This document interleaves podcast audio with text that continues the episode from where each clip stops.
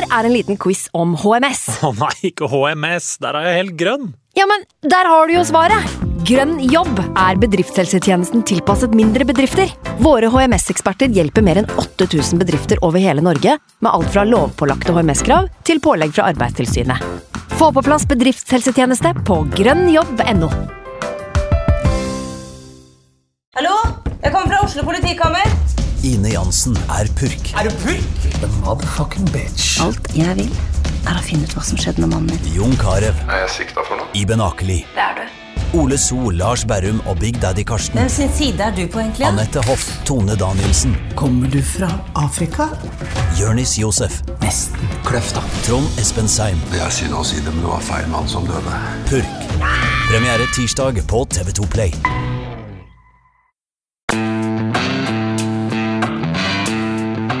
German goalmouth, left half Duncan Edwards cuts through the defence line like a knife through butter. comes back at him. It's a wonderful run from Giggs! Rashford has got the dream goal that he was looking for in his debut, and one he will never, ever forget.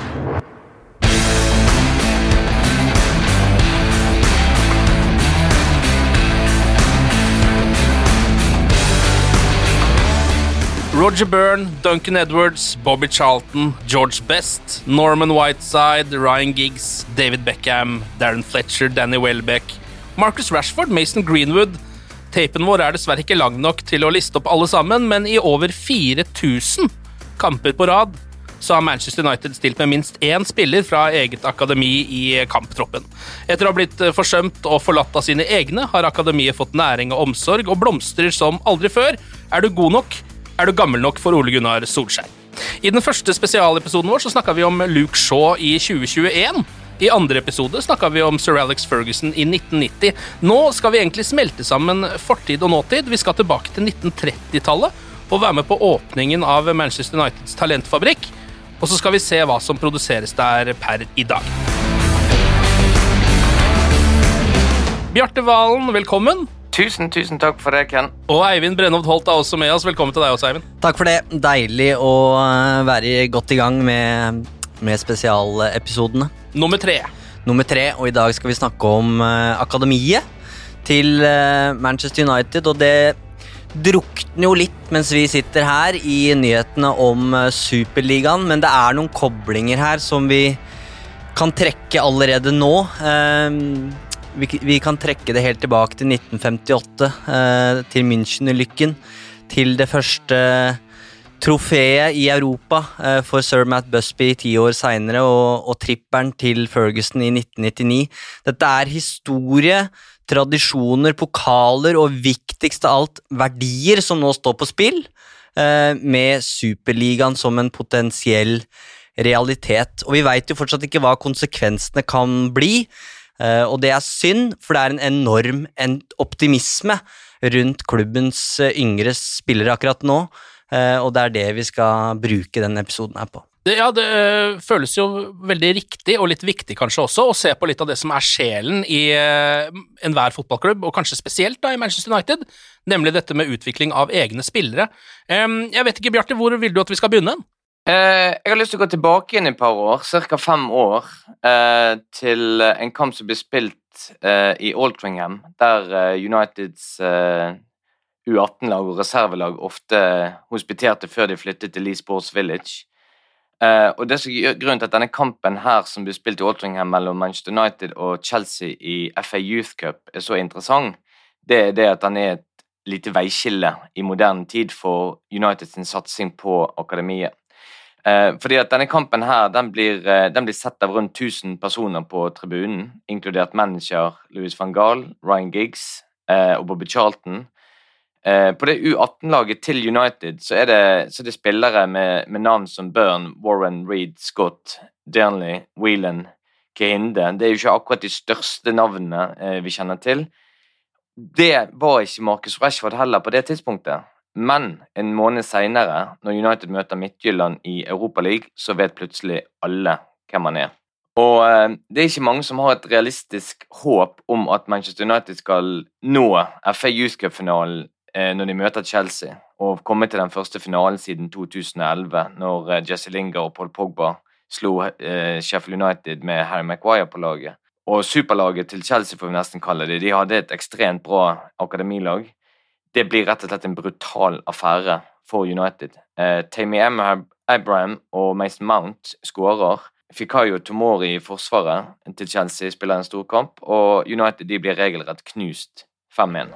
6-1 in round 3, 5-1 in round 4.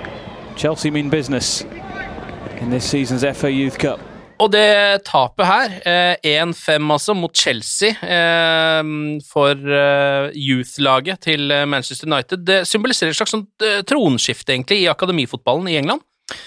Ja, og et år tidligere så har U14-laget til Manchester United tapt 9-0 eh, for City. Uff. Og det spørs Jeg veit ikke hvor, lenge, hvor ofte ledelsen i klubben snakker om U14-kamper, men det her får i hvert fall Ferguson til å um, gå inn på kontoret til Ed Woodward og spørre hva er det som skjer. Eh, vi skal ikke tape 9-0 mot City. Selv ikke 14-åringene eh, Selv ikke 14-åringene. Eh, og på samme tidspunkt så har van Persie, Fletcher, Phil Neville, Andy Cole De har sine sønner i City-akademiet.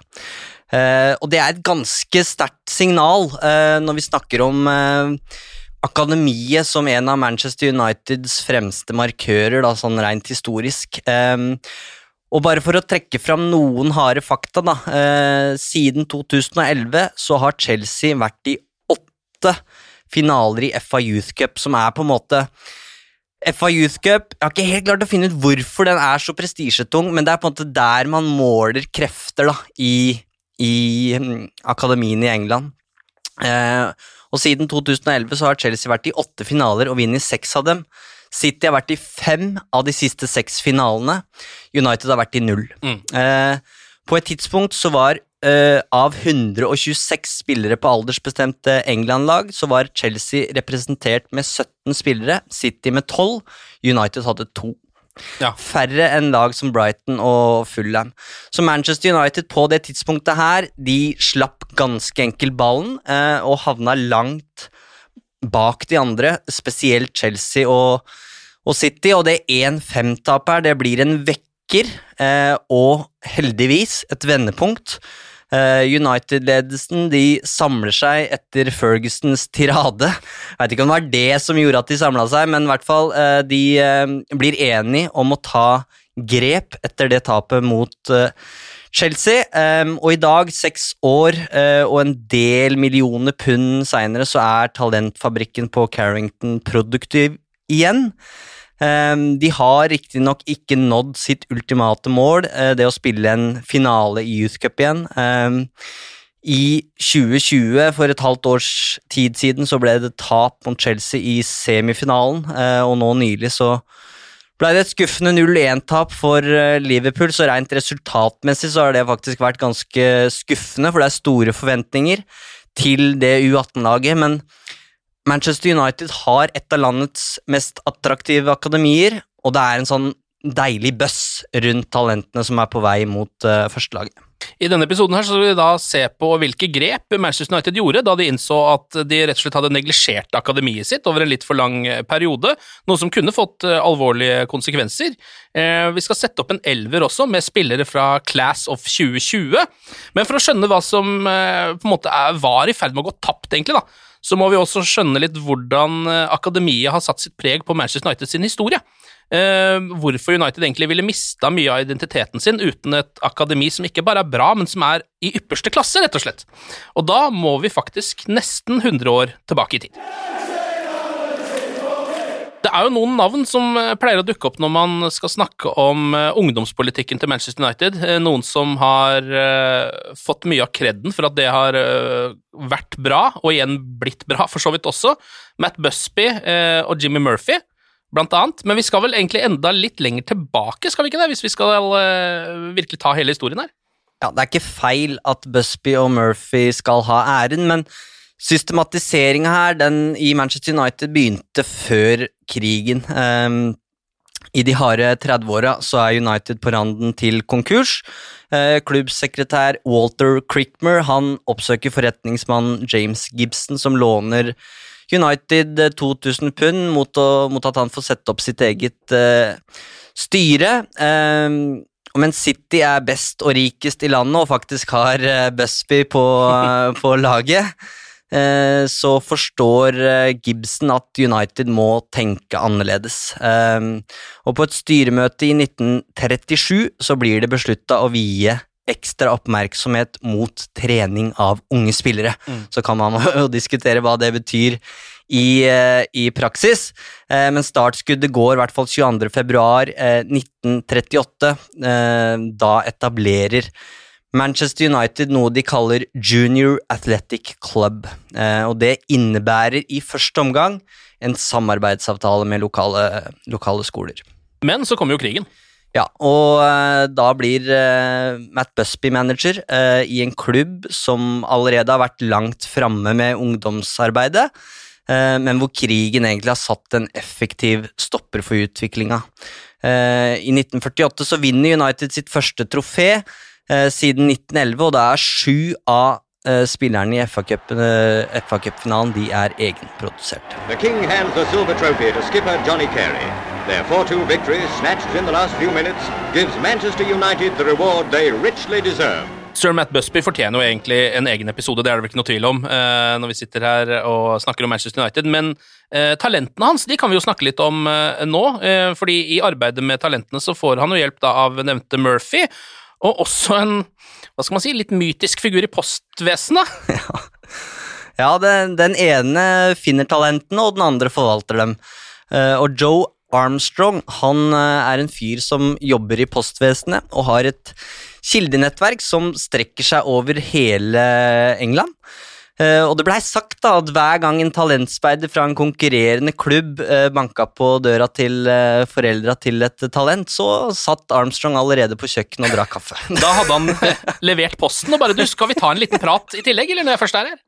Han var på plass og hadde full kontroll, og er et sånt ukjent navn som skal ha mye æren, faktisk. da. Og Vi skal heller ikke glemme den uh, viktige jobben som uh, Joey Armstrong gjorde sammen med, med Jimmy Murphy etter uh, München-ulykken. Fordi at det ble sagt at Jimmy Murphy was the man who kept the flag flying high når Matt Busby lå på sykehuset i Tyskland med alvorlige skader etter München-ulykken. Men han hadde en uvurderlig hjelp i Joe Armstrong, som gjorde alt ifra å betjene sentralbordet på Old Trafford til å hjelpe å sette sammen laget, eh, til å prøve å ta United videre og rett og slett holde liv i klubben eh, mens han lå nede. Og eh, jeg møtte barnebarnet til Joe Armstrong, Mark Armstrong, i, i Sheffield. Han er en stor, stor, stor United-fan. Og faren hans, altså sønnen til Joey Armstrong, eh, var òg faktisk eh, speider for United i mange år, og uh, var en av de som var med å anbefale Og postmann, eller? Han var ikke postmann, uh, men han var en av de som anbefalte United å hente Wayne Rooney faktisk i sin tid. Så uh, det er ingen tvil om at det, det renner tjukt United-blod gjennom årene på, på Armstrong-familien.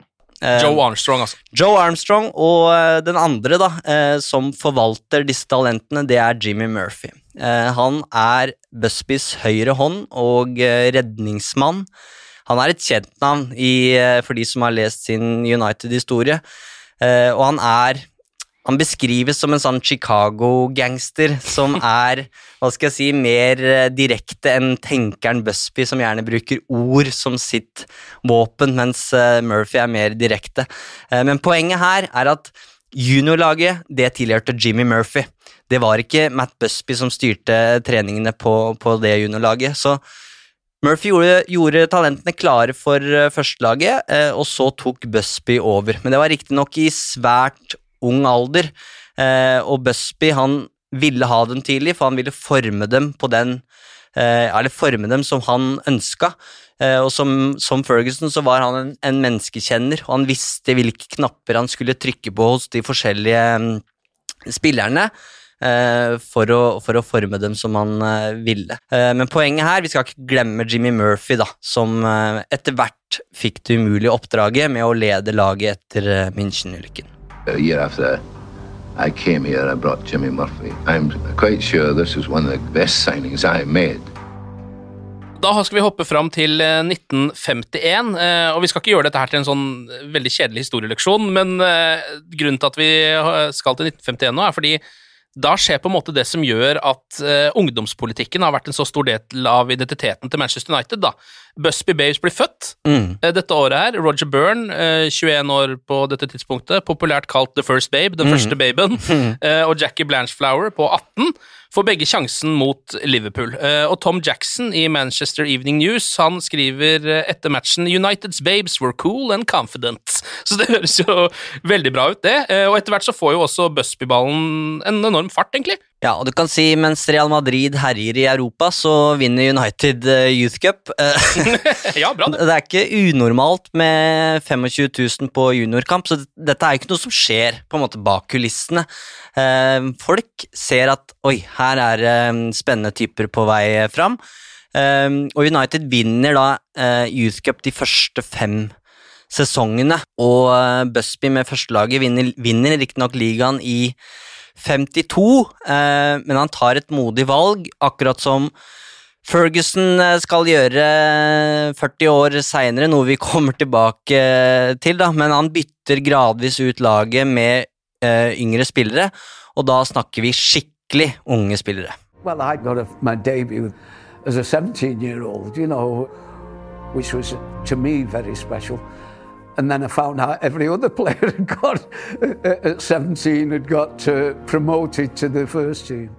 Her hørte vi Wilf McGuinness, um, og de andre spillerne han snakker om, er jo spillere som David Pegg, Tommy Taylor, Dennis Violet, Bill Folks, Albert Scanlon, Liam Whelan, uh, Eddie Coleman og den største av dem alle, da, uh, Duncan Edwards. Mm. Um, han er jo en eh, Ja, du snakka om den mytiske figuren i postvesenet i stad. Um, Ken og Duncan Edwards er jo en sånn legendarisk eh, fotballspiller som vi da dessverre aldri fikk, fikk se så mye av som vi, eh, som vi kunne drømme om. Ble vel kalt en komplett spiller? Ja, den komplette fotballspiller. God på alt, ingen svakheter. Um, og er, Han har blitt beskrevet som uh, Japp Stam, Brian Robson, Roy Keane, Mark Hughes og Erik Cantona i én og samme person. det skal ikke være mulig, det. det skal ikke være mulig.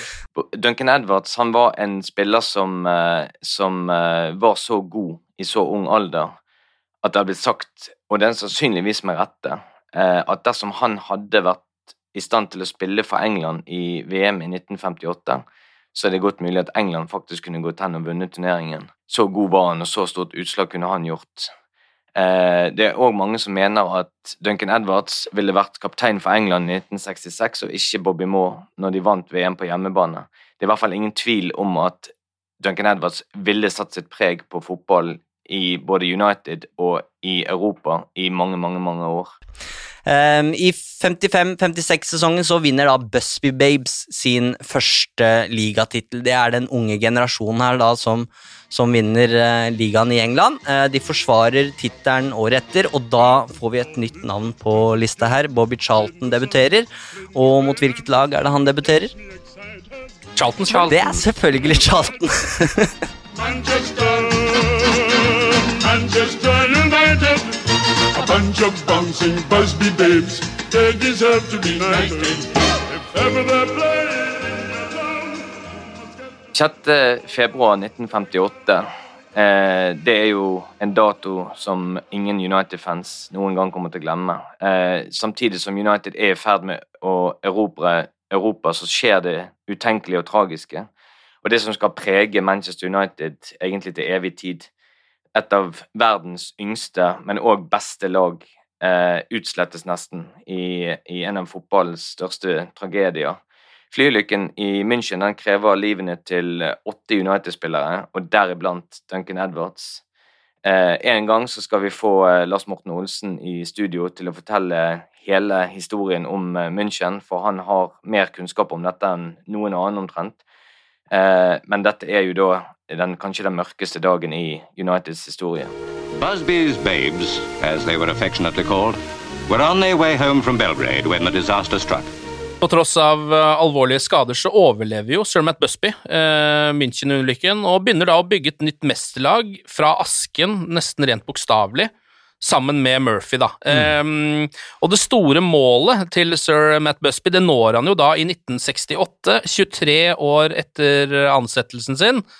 Så er det jo da med åtte egenproduserte spillere på Wembley at det spilles europacupfinale. George Best, Bobby Charlton og Brian Kidd de skårer alle sammen. Alle sammen er egenproduserte spillere, og United de slår Benfica 4. What a match! What a team! Charlton, Stepney, Brennan, Dunn, Creran, Fuchs, Stiles, Best, Kidd, Sadler and Aston.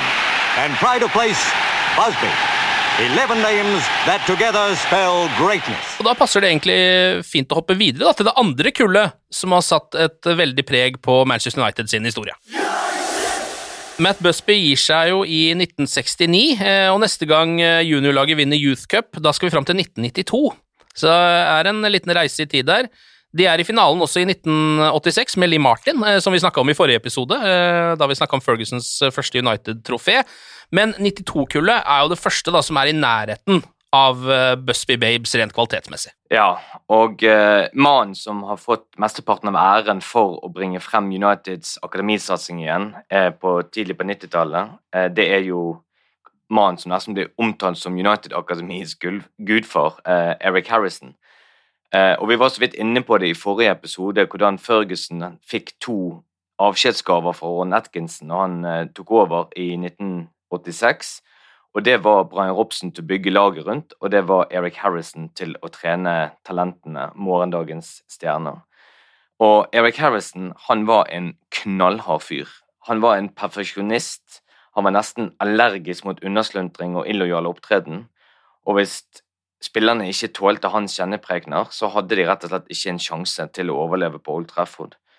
Eh, sammen med med Brian Kidd, som òg jobbet i, i, akademiet, så kan du nesten si at de hadde en litt sånn eh, bad cop, good cop-kombinasjon. Eh, uh, men det var Erik Harrison som var sjefen. Det var det ingen tvil om. Jeg, jeg husker for en del år tilbake jeg intervjuet en, en nordmann som faktisk ble sendt av supporterklubben til Manchester United på prøvespill, og fikk hospitere med United og trene ved siden av Class of 92. Og hans beskrivelser av Erik Harrison på treningsfeltet var rett og slett bare det at du kunne høre han gjennom samtlige eh, 60 minutter i den treningsøkten. Han hadde aldri vært med på en trener som var så vokal og høylytt. Så, jeg mener også at uh, jeg har hørt Eric Harrison fortelle en historie om at uh, kona hans skulle plukke ham opp på Carrington. De skulle ut og shoppe etter, etter, at han var ferdig på jobb. Og da, han, da kona hørte hvordan Eric Harrison snakka til de uh, United-gutta, da smalt det i bilen på vei til det shoppingsenteret, som hun sa. Du hadde aldri snakka sant til dine egne barn, og det, det var nok riktig. Men Eric Harrison har en tanke bak der. Det var måten han oppdro dem på. Eh, og sånn sett så kan du si det at han fikk et, han fikk et status som en, en, eh, en, streng rektor på mange måter, men samtidig en slags farsfigur. Eh, og det var jo veldig emosjonelt å se hva Geir Neville tvitret når, når Erik Harrison døde i, i 2019, 81, gammel, 81, år gammel. Da, da skrev Geir Neville på Twitter 'Vi skylder deg alt, Erik', rett og slett. Og Ben Thornley har forklart meg mange ganger hvordan eh, hvis du kunne takle Eric Harrison, så kunne du takle alt. Enkelt og greit.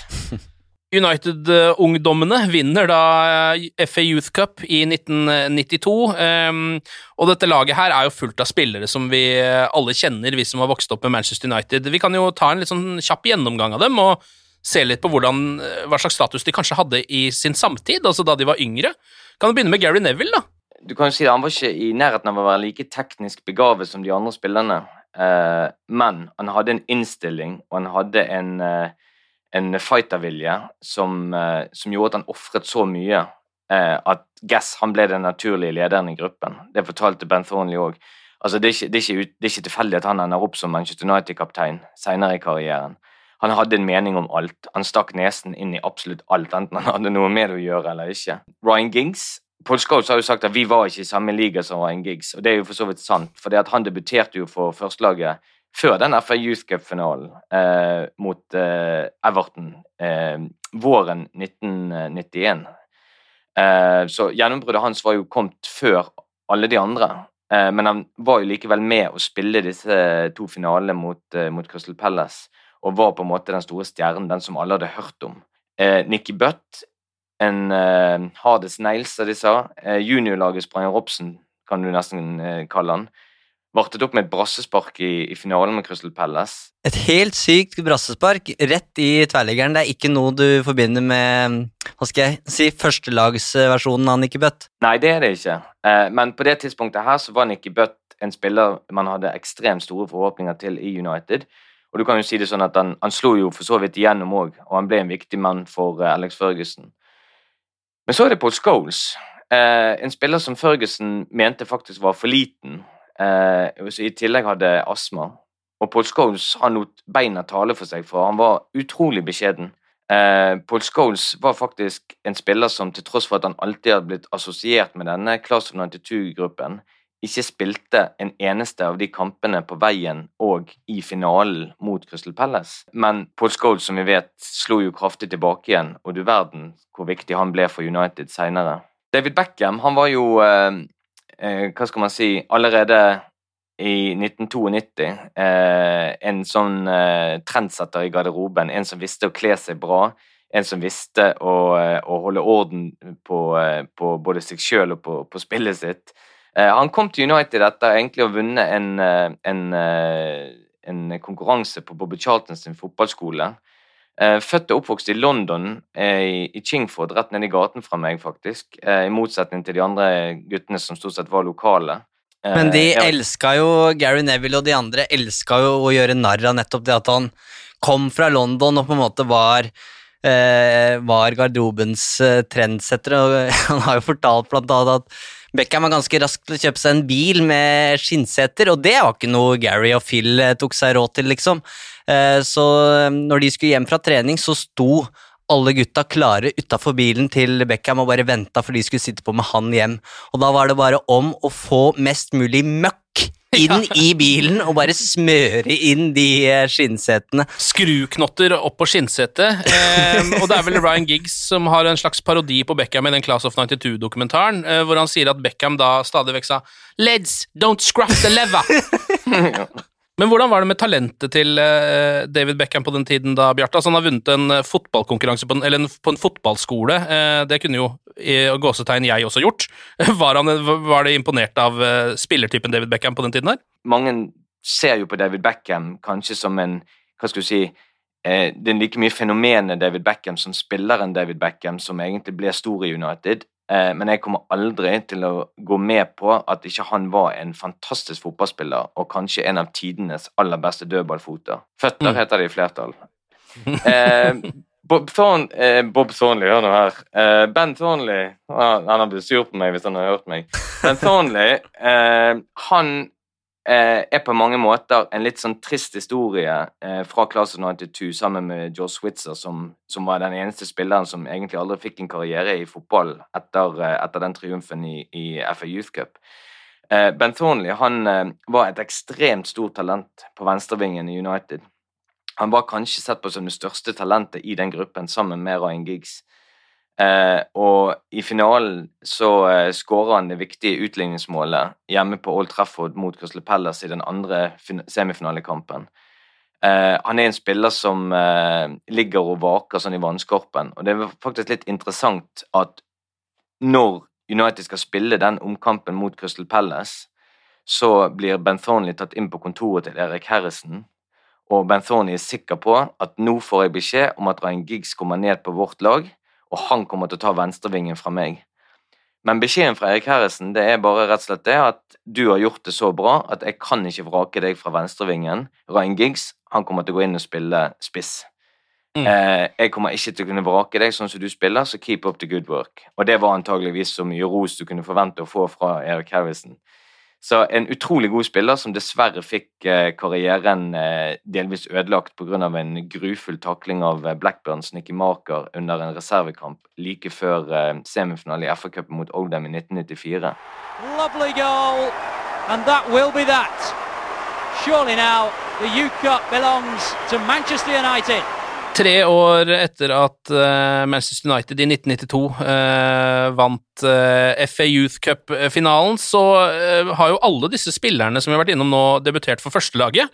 Men allikevel, det nye laget til Ferguson avskrives jo av da blant annet uh, Alan Hansen med de berømte ordene 'You won't win anything with kids'. um, etter et tap da for Aston Villa. Og resten er historie, er det ikke det man sier?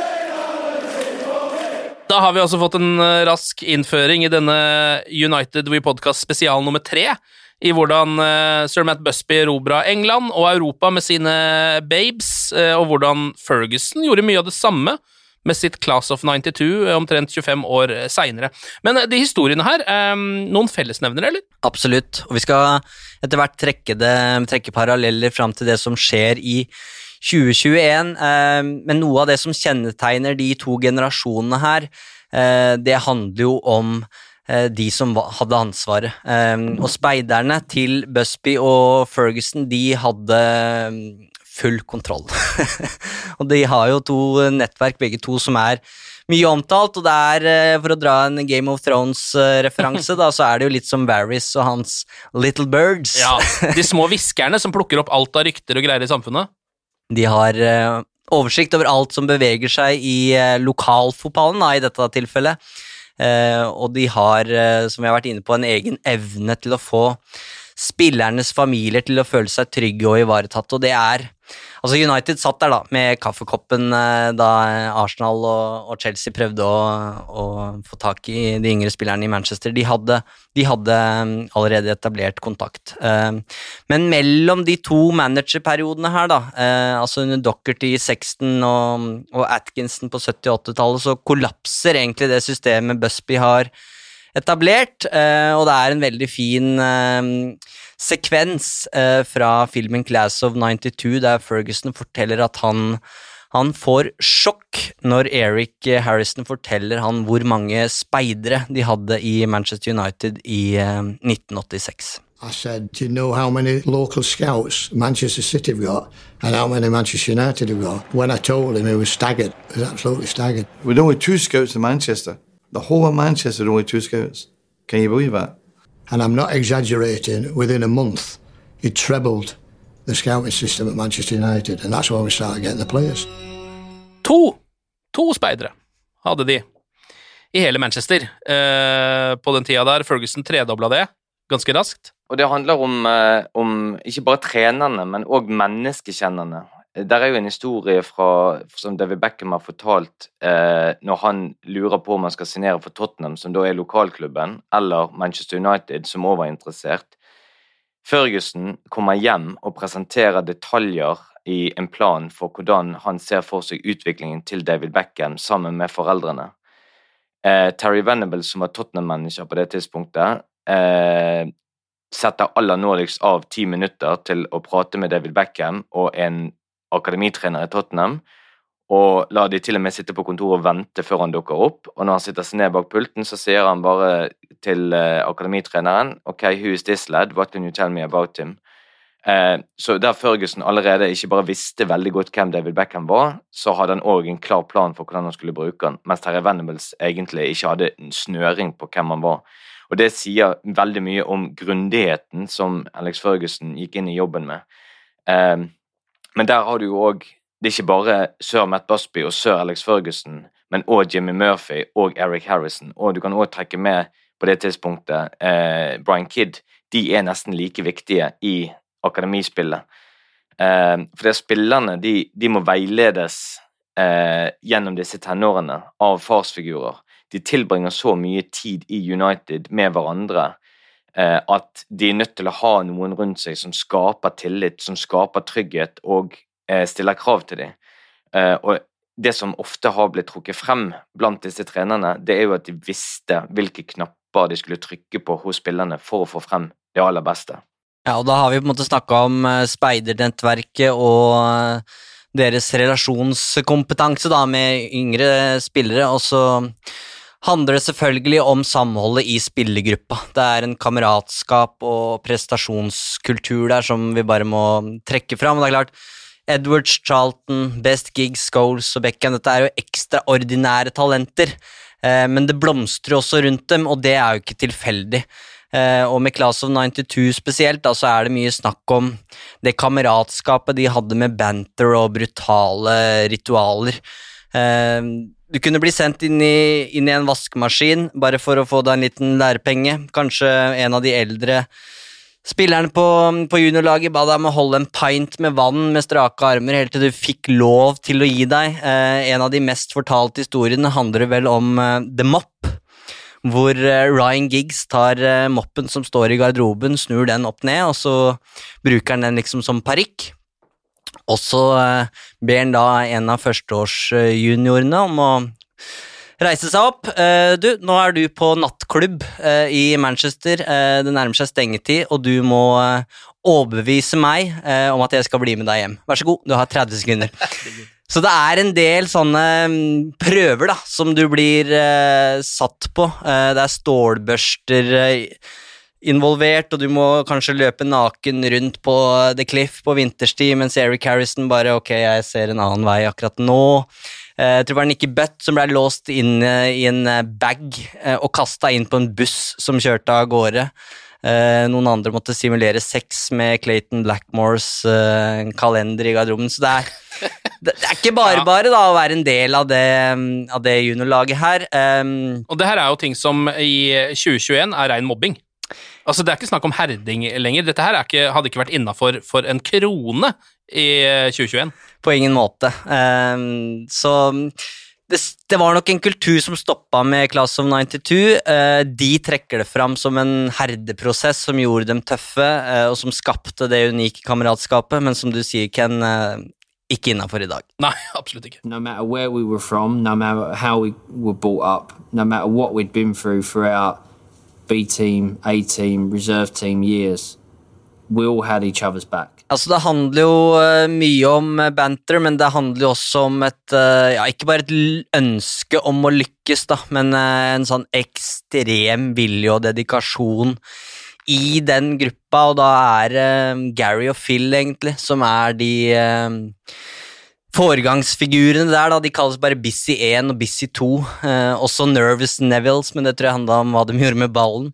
eh, men Gary Neville han, han, står og slår pasninger til en murvegg for å trene opp eh, venstrefoten, og det er en sånn kombinasjon av lek og arbeid, da, eller hardt arbeid, i, i treningshverdagen. Og det er en historie om Gary Neville, eh, David Beckham, eh, Robbie Savage og Chris Casper som er ute på en oppvarmingsrunde sammen med resten av laget rundt til Cliff. Eh, så er de litt rastløse, så de bestemmer seg for å bare spurte av gårde. Ingen, ingen, av de andre følger, de bare ok, la de, la de kjøre tøff oppvarming, liksom, vi, vi tar det med ro.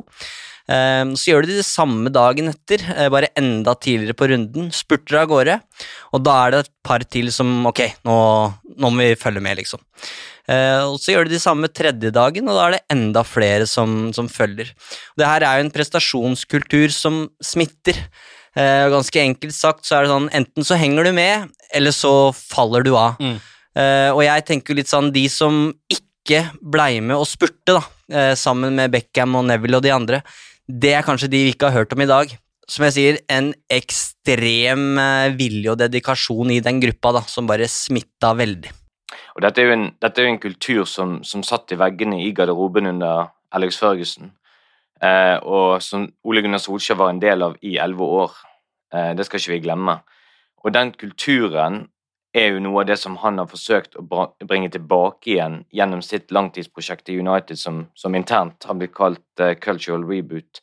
Og uh, når du ser på hvor langt han har kommet med, med laget nå, og hvor, hvor, god han har vært til å forvalte unge talenter, så, uh, så er det nå mye lettere å se hvor Ole Gunnar Solskjær har lyst til å ta dette United-laget. Og med The Busby Babes og The Class of 92 som bakteppe, så kan vi kanskje snakke om eh, noen av de grepene da, som Manchester United har gjort eh, de siste åra for å eh, holde akademiet sitt uh, top notch? Ja, etter klasse 92 så er det egentlig ikke så mange som kommer opp uh, under Ferguson. Altså, det er Brown, O'Shay, Fletcher, uh, Richardson, Evans, Gibson. Den siste Ferguson-generasjonen er jo 2011-kullet med Cleverly og Welbeck. Og da blir de faktisk sammenligna med Busby Babes eh, på et tidspunkt. Men eh, det er vel en, hvis jeg ikke husker feil, en 5-1-seier mot Tottenham som, eh, som, gir grunn til å tro og håpe, og det er jo også den sesongen de slår Arsenal 8-2. Mm. Um, Men det er jo noe av det som er litt herlig med det å være fotballsupporter, da, som vi kanskje nå frykter at vi mister med Superligaen, men det å heie unge spillere fram og være, Du kan være litt naiv, du kan være litt dum. Det handler bare om å heie fram de unge talentene, da. Um, og etter Ferguson så er det jo flere som har fått muligheten. Vi hadde Jan Utsai under um, Moyes, Lingard, Pereira uh, og Rashford debuterte under van Gaal, uh, og i dag så har vi jo Pogba, McDominay og Greenwood på lag til uh, Solskjær, og alt, alle de her er jo gode spillere, men det er ingen Busby Babes eller Class of 92-generasjon her. Og det er iallfall ingen som er på samme hylle som Edwards, Charlton, Giggs og Scholes. Nei, Rashford kan bli det, det vil jeg bare putte inn. Jeg har ikke gitt opp det. Altså, han kan bli world class. Er allerede nesten verdensklasse. Absolutt. Uh, og håpet her er jo at det skal være enda flere ja. som kan være som uh, Rashford. Vi skal nok være litt forsiktige da med å kanskje kalle den Nå kaller vi denne episoden her for Class of 2020, og det er jo med et håp om at det er flere som kan eh, som kan slå igjennom og bli United-spiller i, i framtida. Men det har jo vært mer en evolusjon enn en revolusjon, det her. Mm. Eh, og jeg tror vi skal beholde bakkontakten til vi ser hvordan Hannibal og Shora T-Ray og Elanga og de andre faktisk klarer seg på, på førstelaget. Men det er en optimisme der, kjenner jeg. Absolutt, eh, og det er etter at klubben har vært ned i en eh, voldsom dump, da. Mm. Eh, både på akademi og, og på førstelaget. Um, men United tok grep etter det 5-1-tapet som vi starta med innledningsvis, og om to-tre år så kan uh, Solskjær forhåpentligvis da høste fruktene. Så hva var det som skjedde, da? Hvem er det som tok ansvar? Hvilke tiltak ble iverksatt for at Manchester United uh, igjen skulle bli landets største og beste talentfabrikk? Vi har kokt det ned til tre forskjellige ting. Ja, du kan godt si en, en, ganske enkel forklaring. Det er det at United innså at de rett og slett måtte bruke mer penger på akademiet. Så eh, over en periode for eh, på ca. fem år så eh, firedoblet United investeringene i akademiet. Og det er, det er ganske betydelig når man, eh, når man tenker over eh, hvor mye det egentlig betyr. Eh, med tanke på flere trenere, flere personer inn i støtteapparatet, flere spesialpersoner inn. I 2016 så var det 94 ansatte i trenerteam og støtteapparat i United. I 2018, altså bare to år seinere, så er det antallet økt til 165. Og det er en mm. økning da på 75% cirka, på bare to år. Og det er ikke bare i akademiet, men det er dagens team som da er rundt U18-laget. Det er større enn det Ferguson hadde rundt førstelaget sitt når United vant et trouble i 1998-99. Det er ganske utrolig å tenke på. La oss bli kjent med noen av de uh, karakterene da, som uh, styrer den unge sjappa for Manchester United per i dag. Vi kan jo starte med Nikki Butt. Det er vel kanskje ikke tilfeldig at det er en av 92-gutta som uh, jobber i akademiet akkurat nå? Nikki Butt han var jo en av som du sier Ken, en av 92-guttene som hadde United-DNA-et, og som skulle få United tilbake igjen på, på rett spor. Først som akademisjef, og senere som head of first team development. En som skulle da være den hva skal si, bærebjelken mellom å få de beste talentene fra akademia og inn mot førstelagsgruppen. Eh, han tok jo over jobben til, eh, til Brian McClair, som i sin tid var akademidirektør. Eh, men vi vet jo òg at han forsvant fra United når eh, John Murtog ble fotballdirektør. Eh, men vi tror ikke vi skal, vi skal ikke glemme den rollen som Nicky Butt spilte eh, i satsingen i Uniteds akademi fra 2016 og frem til i dag. Og Nikki Butt og Ole Gunnar Solskjær de har etter det vi vet, alltid hatt en veldig god dialog. Eh, og jeg tror det blir veldig viktig for United at de kommer til å treffe med erstatteren til, til Nikki Butt. Så er det Nick Cox, eh, som også er et viktig navn, og han er eh, en av de som på en måte fortjener en plass i den podkasten her, men som du ikke leser så mye om ellers. Og han eh, tok over for Butt som akademisjef, og er en veldig dyktig og målretta leder. Dette er en flink fyr, har jeg inntrykk av, som på en måte har Det er veldig vanskelig å si hvem som gjør hva, for de har så flotte titler, men dette er på en måte, sånn som jeg eh, tolker det, da, så er det han som har egentlig det overordna ansvaret for, eh, for, det som skjer i hverdagen i, i, akademiet. Det er en fyr som kom fra Sheffield United sommeren 2019, og som jeg tror Manchester United er veldig fornøyd med. Ja, en annen, en annen, person de er veldig fornøyd med å ha om bord, det er jo John Murtog, som nå er klubbens nye sportsdirektør. Eh, han, han, er en fyr som kom fra Everton i sin tid, uh, og han har hatt det overordnede ansvaret for omstruktureringen.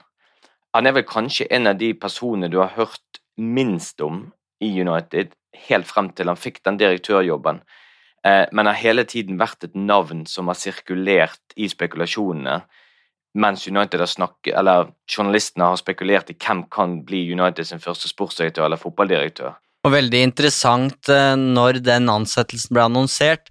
Det de fleste var eh, opptatt av, var jo hvordan vil det her påvirke overgangsstrategien til Manchester United, men det det blei sagt og skrevet like mye om fra klubbens hold, det var jo eh, hva de ansettelsene har å bety, eh, hva de betyr for akademiet. Mm. Eh, og det var jo også noe av begrunnelsen for at det blei nettopp John Murto, fordi han hadde den connection til akademiet. Trenerne som da er i akademiet i dag, det er jo eh, Vi har jo Neil Wood som er på U23, Neil Ryan på U18, Tommy Martin på U16. Uh, og I tillegg så har de 67 eh, år gamle uh, Tony Whelan, som har vært ansatt helt siden 1998, som fremdeles har en, viktig rolle i akademiet, mens Dave Bushell det er òg en veteran i United-akademiet. Han er utdanningsansvarlig. Så du kan godt si at det er en, det er en solid suppe av mange titler her som vi skal holde kontroll på. vi får jo bare anta at alle vet hva de skal gjøre, og jeg tror Eh, jeg, tror, eh, jeg, tror, de gjør det, for å si det sånn. Eh, United går definitivt i riktig retning. Så det er altså tre grep som vi har prøvd å koke det ned til her, som har gjort at Manchester United sitt akademi igjen er solid på beina. Det første var jo rett og slett å putte mer penger inn i det. Den er jo grei, på en måte. Men grep to, da? Ja, De har henta inn flinke folk, og så har de satt utvikling på agendaen igjen. Nå skal vi ikke påstå at noen av de som er borte ikke gjorde et ærlig forsøk, for Paul McGuinness, eh, som hadde U18-laget i flere år, og Warren Joyce, som hadde U23, det, det, var like dyktige trenere, har jeg inntrykk av, de som er der i dag. Men vi veit at ting gjøres litt annerledes i dag enn det som var tilfellet under Moyes van Gaal og Mourinho, og det store forfallet her kan nok tilskrives eh, la oss kalle det det store skiftet da, i 2013. Ferguson slapp nok ballen i sine siste år, eh, og det skal vi for det, ja. ja. Jeg tror vi skal tilgi han for det. Eh, han fokuserte nok mest på å få det meste ut av førstelaget de siste sesongene. Vi skjønte det vel da han kjøpte Robin van Persie. Ja, da var det et litt annet fokus. Um, og når Moyes og van Gaal kommer inn, så har ikke de eh, tid eller kapasitet til å lede utviklinga av eh, akademiet, samtidig som de skal skaffe resultater. Eh, og det som er litt nøkkelen her, er jo at David Gill forsvinner samtidig, Ed Woodward kommer inn, og han har sine egne ting å tenke på i sine første år. Og et godt eksempel på det her, på hvordan det store skiftet får konsekvenser på akademinivå, er jo at Brian McClair eh, da han var ferdig som akademisjef i 2015, så går det tolv måneder før de får på plass en ny, en, ny, en, en erstatter. Da. Og et år, ja. Så så langt nede på prioriteringslista var det akkurat da? Ja, så det var en rotete prosess som, eh, som aldri ville skjedd i dag, for å si det på den måten. Det tar nok ikke ett år før Nikki Butt er uh, erstatta. Så oppi all den suppa her så, så, er det akademitrenere som fører at de rett og slett må utrette mirakler i oppoverbakke. Um, og dette er et tidspunkt hvor, som vi har vært inne på, da, de fleste talentene også helt ned i 11-12-årsalderen her, som kunne velge mellom rødt og blått, de velger nesten med unntak, uten unntak eh, City. Mm. Uh, City stjeler til og med trenere fra United, um, og klubben skal ha vurdert å legge inn formell klage til Premier League. Men realiteten var uansett at på talentutvikling så var de langt bak City og Chelsea. Uh, Andy Mitten har fortalt at han skrev en ganske stor uh, og kritisk uh, artikkel om akademiet. Og grua seg vel nesten litt for å liksom dra på første match etter det, for han forventa reaksjoner fra klubben. det her handler om verdier som de er stolte av. Men i stedet så kommer det representanter fra klubben og holdt på å si tar Andy i hånda og sier vet du, du, du treffer spikeren på huet, takk for at du retter fokus mot det, for her er det ting som må, må gjøres. Um, og det her er litt sånn samme erkjennelse som, som det var uh, under Ferguson, da han uh, kommer og spør Eric Harrison hvor mange speidere det er i Manchester United, og, og, i den samme samtalen så sier Harrison liksom ja, jo, det er kanskje dårlig, dårlig med speidere her, men jeg har jo Se hvem jeg har fått fram, da. altså Norman Whiteside og Mark Hughes. Og da er liksom responsen til Ferguson jo, det, det er fint, det, men det, det er ikke bra nok. Mm. Eh, så ting må skje, og det er det samme som, eh, som, skjer, eh, som skjer her. Så etter mange år som Englands flagg, flaggskip da, på Talentia, så, så kommer, ikke til, kommer ikke talentene til United fordi de er verdens største klubb med verdens beste manager, så de må rett og slett tenke annerledes, da. Har vi noen eksempler eh, på det, altså, og hvilken rolle har Solskjær spilt opp i det hele? Solskjær nok eh, en, eh, spiller nok en stor rolle. Han forstår ikke bare at akademiet er en del av Uniteds DNA, men som tidligere Ferguson-spiller og reservelagstrener så veit han hvor viktig eller hvordan talentutvikling gir resultater. Eh, han har sjøl sagt til oss i et intervju at han har gått tilbake til uh, hvordan det var under Ferguson. Um, og det handler om noe så enkelt som at akademiet spiser lunsj sammen med førstelaget. Og det viktigste er at Solskjær viser med handling da, at akademiet er verdifullt. Uh, Mourinho er en ekspert på Han kan snakke fint om akademiet, han.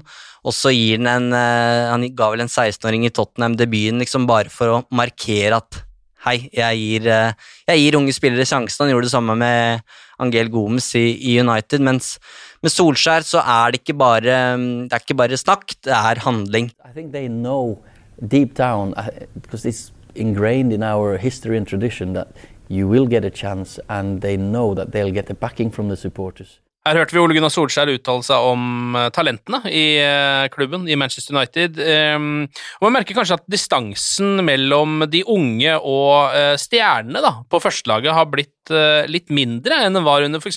José Mourinho, som du nevnte så vidt, Eivind. Det var en viss distanse mellom Mourinho og U18-laget under United. Men mens det var den distansen der, så kan vi kanskje se for oss nå at Solskjær og, Wood og Ryan eh, gjerne har sin egen WhatsApp-gruppe eller meldingsgruppe eh, der de fòrer Solskjær med oppdateringer hele veien. Hvis det er noen som utmerker seg på trening og gjør det bra, så får han vite det. Hvis det er noen som ikke oppfører seg, så får han vite det.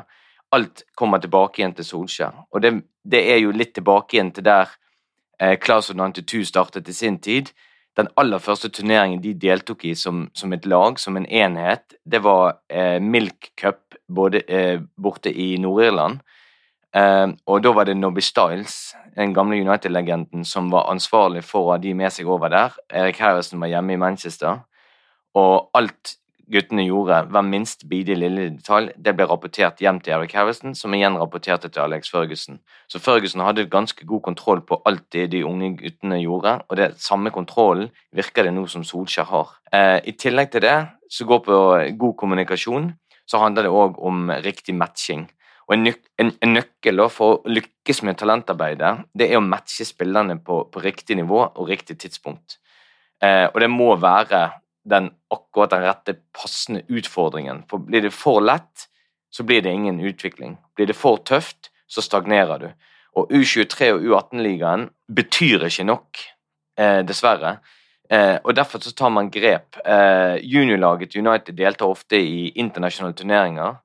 Eh, Chelsea, Liverpool, Tottenham de inviteres ofte til Carrington for å spille miniturneringer.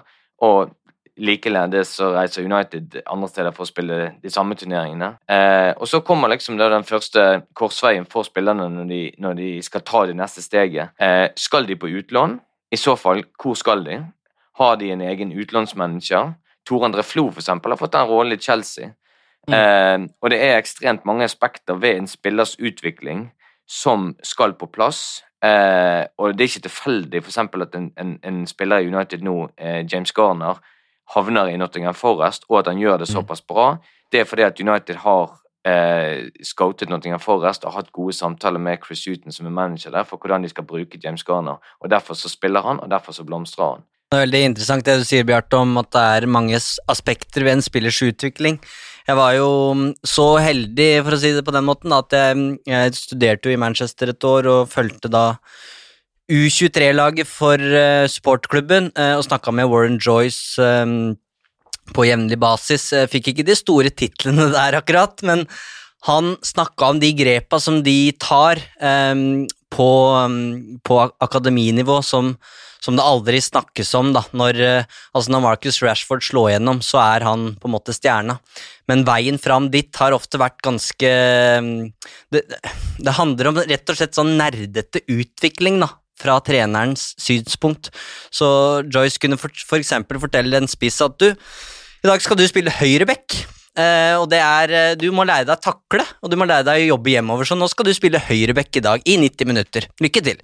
Uh, og de kunne på en måte få en, ett fokus, da, sånn som en midtbanespiller. I dag skal du lære deg å slå den diagonalpasningen ut mot venstrevingen. Det er det eneste du skal tenke på. Om vi taper 5-0, spiller ingen rolle. Du skal øve på det i kamp.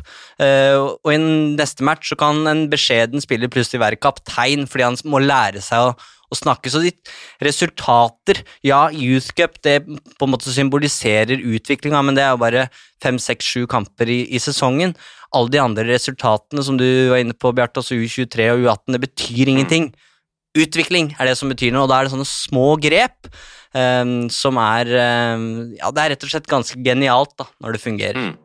Og Det som nesten er enda viktigere enn utvikling, det er jo på en måte hva skal si, det samfunnsoppdraget som United har. For de, ser det jo på sitt oppdrag som å, å, utvikle ungdommene, ikke bare til å lykkes som fotballspillere, men kanskje enda viktigere å utvikles i, til å bli eh, til å bli selvstendige mennesker, til å lykkes i livet, rett og slett. Fordi at den drømmen som er å spille på Old Trafford for Manchester United på førstelaget, det er en drøm som, de, som eh, går i oppfyllelse for de aller færreste.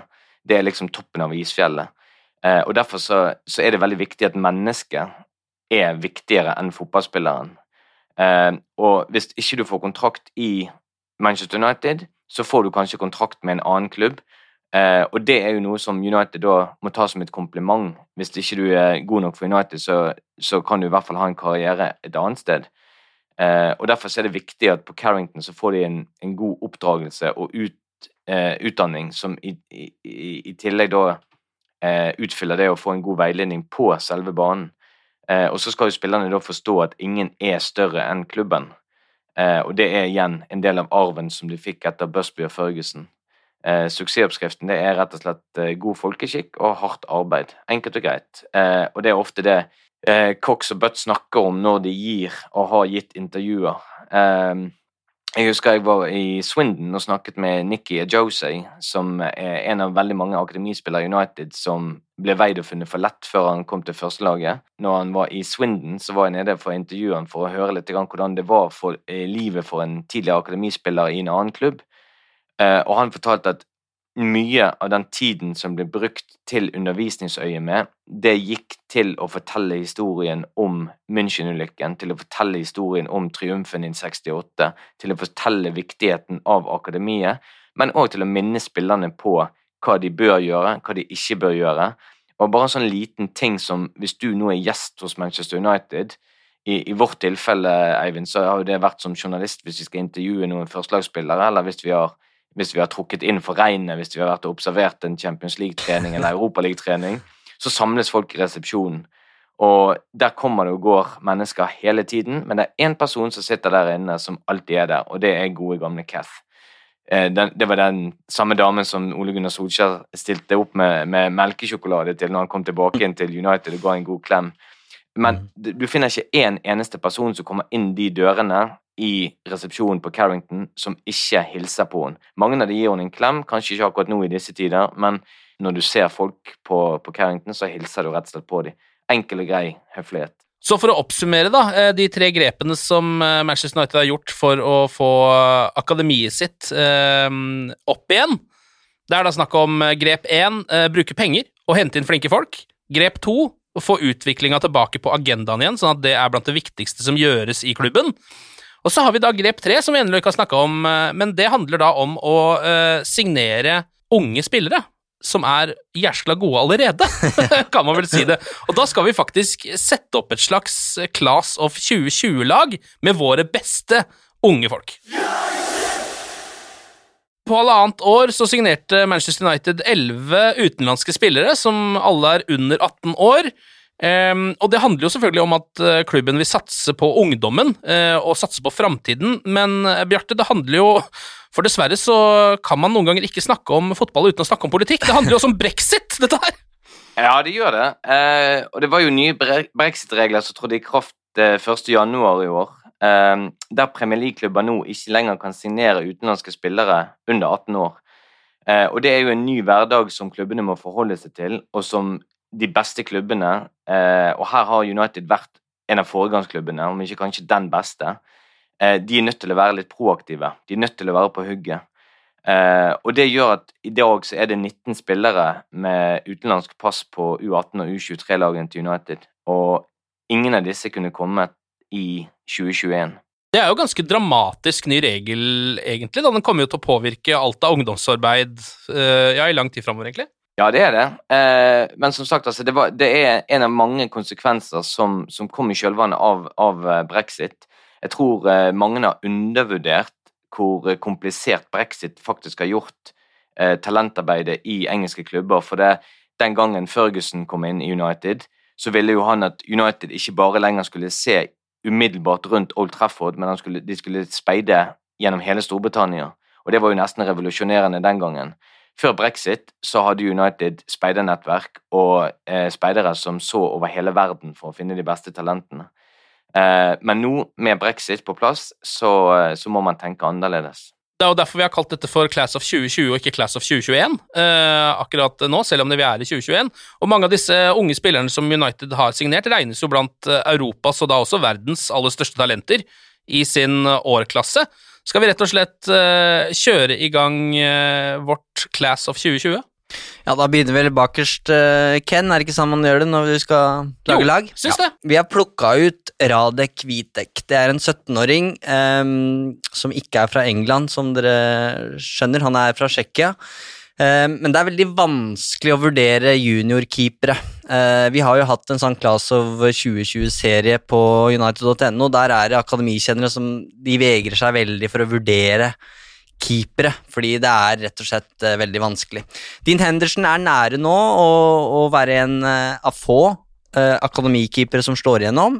Joel Pereira ble tråkket fram av Mourinho som en av de mest talentfulle i Europa, men det ble jo ikke noe særlig. Tidligere har vi hatt Mark Bosnich og Gary Walsh, men de når jo ikke helt opp til Schmeichel og van der Sar. Eh, men United har faktisk da en akademikeeper som har vunnet VM. Ja. Det er en tysker, ja. eh, som riktignok ikke sto noe særlig, men Ron Robert Sealer Han var vel tredjekeeper mm. eller noe sånt? Han var tredjekeeper eh, og er nå i Köln. og det er også verdt å merke seg at det er en eh, en keeper i Atalanta som heter Golini, som også har en fortid i United Akademi. Men uh, Vitek, uh, eh, henta fra tsjekkisk klubb i fjor, bor sammen med Hansen Aarøen, faktisk, som vi ja. kommer tilbake til. En høy, uh, tsjekkisk keeper. Og så er det også en svenske der, da. Johan Guadagno, tror jeg det uttales. Men vi går for Radek Vitek. Ok, så det er da framtidens keeper hvis alt slår til som det skal. Hva med høyrebekken? Vi skal til Spania. Mark Jurado, 17-åring, offensiv høyrebekk med målteft. Eh, som kom fra La Masia-akademiet til, eh, til, Barcelona. Eh, han gjorde som eh Matheu Morey i, Dortmund. Han fikk ikke trene med førstelaget, selv om Roberto og Semedo trøbla på førstelaget der. Så det var på en måte en umulig vei opp på førstelaget, eh, og han gikk til, til Dortmund isteden, og det er litt eh, det samme mm, som Jurado, Jurado har gjort. Når du kommer til, fra Barcelona, så tas det jo liksom for gitt at du har flere offensive enn defensive fibre i, i, kroppen, og da passer det godt at han scora i U18-debuten mot West Bromwich. Um, han er en litt sånn litt annerledes høyreback i og med at han er farlig i, i luftrommet. Oh, ja. uh, litt sånn høy fyr, uh, men kan minne litt om Reece James og, og Cancelo. Moderne back-type. Ja. Og vi prøver jo da å, å, å, dra de her sammenligningene, men de må jo ikke tas bokstavelig. Men for å gi et bilde av hvem Eh, Mark Jurado er som høyreback, så, så, er det fint å dra fram eh, James og Cancelo, f.eks. Mm. Så får vi se om han blir værende, eller om han gjør som Piquet og Fabregas og vender hjem da, til, til kamp nå etter hvert. Og så skal vi til stoppeplassen, Bjarte. Ja, Eh, og der er det et interessant navn, Will Fish. Eh, fordi at han ble jo inkludert i Europaligatroppen mot eh, Granada. Eh, jeg var så heldig å få lov til å slippe inn igjen på Old Trafford over et år etter jeg var der sist. Så satt jeg faktisk med et veldig håp om at vi kanskje skulle få lov til å se han i aksjon i løpet av den kampen. Og Det tror jeg faktisk det hadde vært en god mulighet for hvis United hadde ledet enda mer komfortabelt. At han kunne fått eh, 20 minutter, kanskje en halvtime. Eh, men eh, dessverre, det så vi ikke. Men eh, Will Fish er et talent. Kanskje, kanskje det nærmeste vi har vært en slags Nemanja Vidic-kloning. Det, det, er litt av et ansvar vi plasserer på Will Fish sine unge skuldre. Men han er, han er høy, han er sterk, og han er en veldig dominerende midtstopper. Eh, debuterte på U23-laget United allerede som 16-åring. Det er ganske oppsiktsvekkende. Mm. Han er egentlig en spiller som beskrives som god på det aller meste.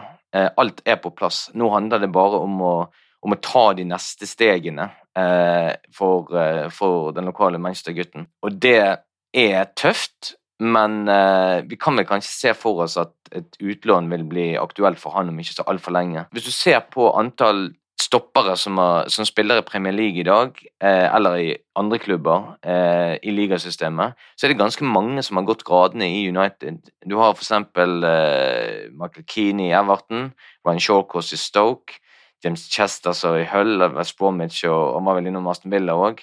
Paddy McNair, som var i Sunderland, eh, var en favoritt under van Gahl en liten periode. Som vi var inne på Det har vært flere stoppere enn keepere. Det har definitivt vært flere stoppere enn keepere.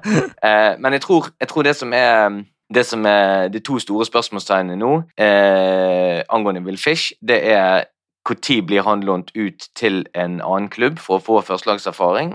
Eh, og det andre det er når får han et stort nok navn til at de engelske tabloidavisene begynner å klekke ut noen morsomme ordspill på navnet. Har du et på lager? uh, ja, men, uh, men, det blir så teit, for uh, de, aller fleste, de aller fleste som får kallenavn, da sitter man jo bare en Y bakom navnet på dem, enten det er Gigsy eller Sharpie eller hvem det nå måtte være. jeg tror de får gå for en annen løsning for Will Fish, stakkar. Ellers så ser jeg for meg at jeg kan bli ganske uggen for han. Det er synd at ikke Danny Drinkwater er i stallen nå. ja, det hadde blitt fint. Og så må vi jo ha en makker da, til Will Fish, en uh, stoppemakker. Ja, da er vi såpass eh, ambiøse at vi velger en fyr som vi ikke har sett så mye. Eh, vi skal ha Will og Willy i midten. Eh, Willy Kamwala, 16-åring, som egentlig da er det siste brexit-kjøpet. En franskmann fra Les Ulis, det og, sier jeg helt sikkert feil, men det er jo samme klubben som Evra og Martial kom fra i sin tid, altså barndomsklubbene til Evra og Martial. Eh, kjøpt fra Sochaux for 3,5 eh, millioner pund, det er eh, ganske betydelig da, for en 16-åring. 35 millioner norske kroner. Allerede vært kaptein på U17-landslaget til Frankrike og er en moderne stoppertype. Atletisk og, og ballsikker, men har vært mye skada og derfor ikke spilt så mye. Akkurat nå så tar jeg franske stoppere, unge franske stoppere usett. Eh, ja. Så dette her blir bra uansett, det er jeg nesten 100% sikker på. Eh, skal vi, skal vi bevege oss til venstrebekken? Ja, vi skal ha en eh, spanjol på hver bekk, og det her er Alvaro Fernandes Carreras. Det er flott navn. Ja. 18-åring, en høyreist, offensiv venstreback med en presis pasningsfot. Det er en høyreist spanjol på hver bekk, da? Egentlig. Mm. Mm. Og så passer det jo bra at de er fra en fra Barcelona og en fra Real Madrid. Carreras kommer fra Madrid-akademiet, og da sier det seg sjøl at du du er et stort talent når du har en plass der, og Marcelo er på en måte det store idolet mm. hans, men han har nå verken brasilianerens krøller eller kroppsbygning, men er som spanjoler flest ballsikker, uh, og som en sånn wingback og, og rein, og er en veldig sånn dominerende figur på banen. Han er veldig synlig. Han ligner litt på Sergio Ramos. Ja. Ikke spillestilen, men han har langt, uh, flott hår. Eh, så han syns veldig godt og har en sånn veldig elegant med ballen i beina, og også spilt litt sånn eh, litt, eh, litt stopper. Så det her er en fyr som kan kanskje minne litt om Marcos Alonso. Ja. Og en, ja, en høy David Alaba har også blitt foreslått. Men det er en bekk med et sjeldent register. Høy, sterk, atletisk og teknisk. Ja, det høres jo bra ut, det. Hva med midtbanen, da? Eh, hvem har vi der? Vi har pekt ut eh, Martin Swiderski, eh, en 18-åring. Han beskrives kanskje ikke som det aller største talentet, men Eh, likevel en av U18-laget sine viktigste eh, og vil si mest solide spillere denne sesongen. Eh, han er en som kom fra Slovakia tilbake inn i 2018. Eh, og Hvis vi skal prøve å finne en spiller han kan kanskje minne oss litt om, så er sammenligningen med Darren Fletcher ganske, ganske lett å, å, å, trekke. Fordi at han er en sånn ledertype som, som jobber og sliter, eh, og er hardtarbeidende. Og vil nok sikkert profitere litt på å ha både Darren Fletcher og ikke minst Michael Carrick inn i trenerteamet til å kunne forme han. Han har eh, både holdningene og, og eh, arbeidskapasiteten som skal til. Skal være veldig godt likt av trenerne, eh, sikkert òg av Gary Neville. Eh, han følger, for å si det sånn, hvis noen eh, stikker av på oppvarmingsrunden, så følger Martin Siderski. Det tror jeg ikke det er noen tvil om. Ja, det, det er jeg ganske sikker på at han gjør. Uh, men det er jo òg en, en, posisjon det er veldig vanskelig å, å, slå igjennom på i United. Og vi har jo sett mange eksempler på spillere som har vært eh, snakket varmt om. Eh, Sean Goss var en, for eksempel, som United hentet fra, fra Exeter. Var spådd til å bli en ny Michael Carrick. Hadde veldig mye i seg. Gikk på lån til Rangers. Endte opp i Var innom QPR. Hadde en mye større fremtid enn det han fikk. Uh, I tillegg så er det da en spiller i dagens tropp som kanskje gir et lite håp, og det er Scott McTominay. Og mm. du kan godt si at Martin Sviderski kan minne litt om eh, Scott McTominay. Kanskje ikke en spiller som briljerer, som serverer de tekniske finessene, men en som er der, en hardtarbeidende arbeidsmaur, og de trengs på et hvilket som helst lag. Og som hans makker på sentral midtbane, da har vi altså én arbeidsmaur, da trenger vi en playmaker. Det må alltid til, og da skal vi jo til akademiets største stjerne, da. Ja, dette er kanskje den eneste spilleren på laget her som jeg har snakka om uh, på de, uh, i, i, de ordinære podkastepisodene, Ken. Mm. Uh, og Hannibal Mehpri han er jo den rake motsetningen da egentlig til Martin Siderski. Og når du ser han i aksjon, så forstår du hvorfor klubben betalte 10 millioner euro for han som 16-åring. Det, det, er eh, noe ved han. Er, eh, han har det lille ekstra. Det er tre 16-åringer som har vært dyrere. To av dem har Monaco kjøpt. Pietro Pilegri og Wilhelm Goebbels, eller Goebbels og den siste er Theo Walcott. Um, ja. Så han er allerede på en litt sånn eksklusiv liste. Han ble oppdaga av en speider som heter Sekkinger, som nå har forlatt United igjen, men han fant uh, Alio Traore, som også var regna som et veldig stort talent, men som er nå i ferd med å ja, Han er på lån nå, i ferd med å forsvinne litt. Eh, Noam og Noam Emram, som også kunne vært på det laget her. Eh, men Sekkinger eh, oppdager da den trioen her i en futsalturnering for 12-13-åringer i Frankrike, eh, og United la ned mye jobb for å sikre seg Hannibal, og de skisserte en vei til førstelaget for familien, akkurat som Ferguson gjorde for Pogba-familien på, på, Carrington for, for noen år siden. Og det er en spiller som Solskjær skal være personlig involvert i, altså han skal ha ønska seg Hannibal. Eh, og det er jo det, det vi snakka om litt i stad, at det er den type involveringer som gjør eh, at Solskjær har spilt en rolle da, eh, i det her. Og han var faktisk til stede da, på Ullevål eh, da United møtte Kristiansund. Hannibal var invitert dit som en slags eh, hedersgjest. eh, og der var han sammen med John Murto før han signerte for United. Eh, og dette er en teknisk leder på fotballbanen, litt på samme måte som Bruno Fernandes er på førstelaget. Eh, bare sånn en ekstrem evne eh, til å finne rom. Eh, og det er litt sånn Den evnen har du, eller så har du det ikke. Ja. Eh, og Hannibal har det, og alt eh, laget skaper, det går innom han. Um, Jeg har også sett han bli litt sammenligna med Paul Pogba. Han har det stjernegenet, og han er fransk, så det er en veldig naturlig um, kobling å ta. Uh, men han utvikles i en ganske annen retning. Han løper mer, og han jobber mer defensivt. Uh, og blir alltid sparka i stykker av motstanderne. Og vi snakka i stad om hvordan disse trenerne gir spillerne sånne uh, veldig konkrete instruksjoner på hva du skal fokusere på i dag. og noe av det um, noe av det akademitrenerne jobber med Hannibal eh, med, det er det å takle å bli sparka ned, rett og slett. Mm. Han må lære seg å håndtere det og kontrollere temperamentet. Han får eh, vanvittig mange gule kort fordi han ikke klarer å eh, å besinne seg da, når han blir sparka ned. Må ta et kurs hos Jack Grealish. Ikke sant.